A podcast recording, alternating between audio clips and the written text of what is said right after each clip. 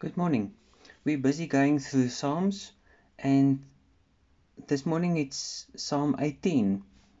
It's also a psalm that David wrote, and he starts with verse 1 and 2 I love you, Lord, my strength. The Lord is my rock, my fortress, and my deliverer. My God is my rock, in whom I take refuge. He is my shield and the horn of my salvation, my stronghold. David teaches us something here. He acknowledges who God is in his life. He acknowledges that God is the only one that can keep him safe, that is in control.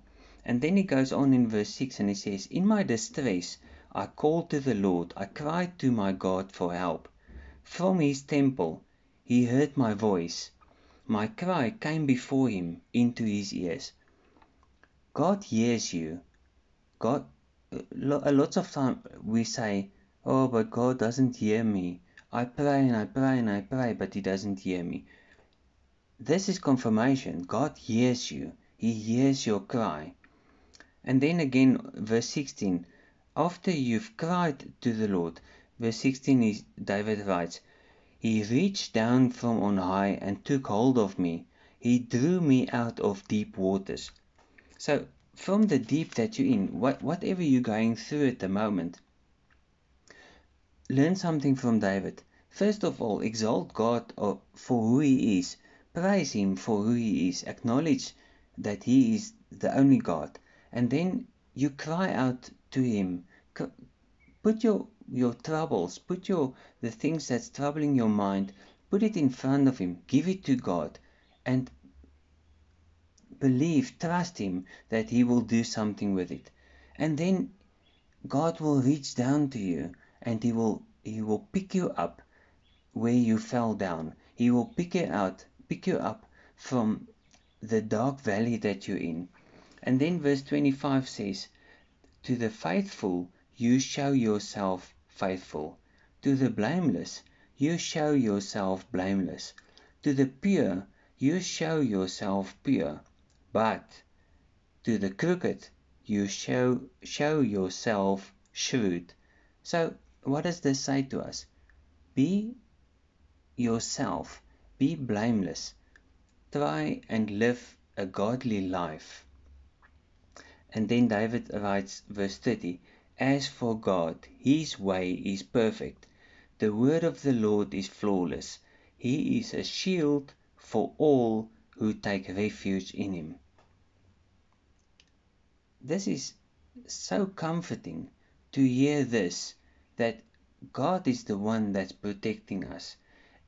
Verse 46 he says, The Lord lives. Praise be to my rock. Exalted be God my Savior. So David starts with exalting, acknowledging God, who God is. And then he comes to God, he brings him that package, that himself, and say, Lord, help me. I'm in distress. This is what's going on in my life.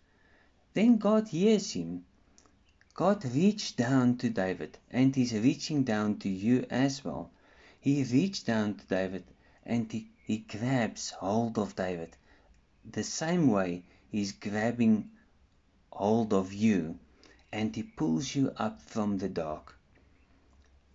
Then David exalts God, uh, God again, the one that that is that is comforting. He's he's acknowledging the comforter. He's acknowledging that God is the one that doesn't change. Let's pray. Father, thank you for this amazing word of you.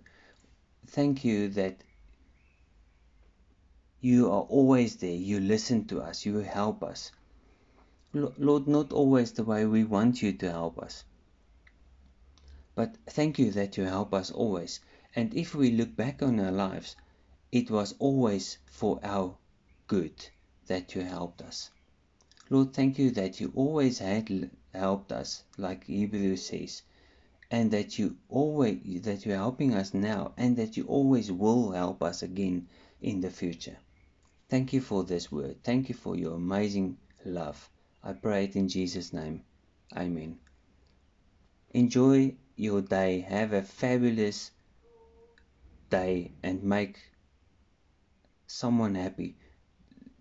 Influence someone positively. Amen.